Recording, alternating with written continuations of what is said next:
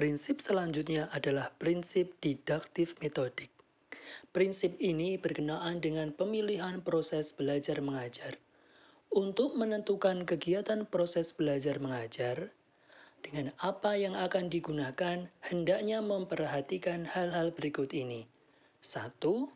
Apakah metode atau teknik belajar mengajar yang digunakan cocok untuk mengajarkan bahan pelajaran? 2 apakah metode atau teknik tersebut memberikan kegiatan yang bervariasi sehingga dapat melayani perbedaan individual siswa? 3. Apakah metode atau teknik tersebut dapat memberikan urutan kegiatan yang bertingkat-tingkat? 4. Apakah metode atau teknik tersebut dapat menciptakan kegiatan untuk mencapai tujuan kognitif, afektif, dan psikomotor? 5. Apakah metode atau teknik tersebut lebih mengaktifkan siswa atau mengaktifkan guru atau kedua-duanya? 6.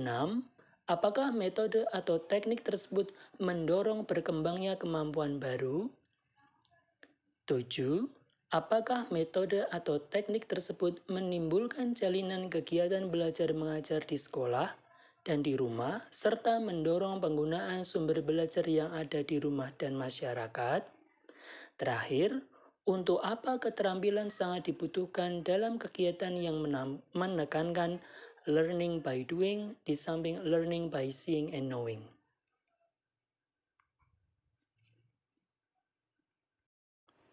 Prinsip selanjutnya adalah prinsip didaktif metodik.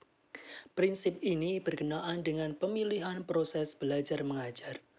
Untuk menentukan kegiatan proses belajar mengajar, dengan apa yang akan digunakan, hendaknya memperhatikan hal-hal berikut ini. 1. Apakah metode atau teknik belajar mengajar yang digunakan cocok untuk mengajarkan bahan pelajaran? 2. Apakah metode atau teknik tersebut memberikan kegiatan yang bervariasi sehingga dapat melayani perbedaan individual siswa. 3. Apakah metode atau teknik tersebut dapat memberikan urutan kegiatan yang bertingkat-tingkat? 4.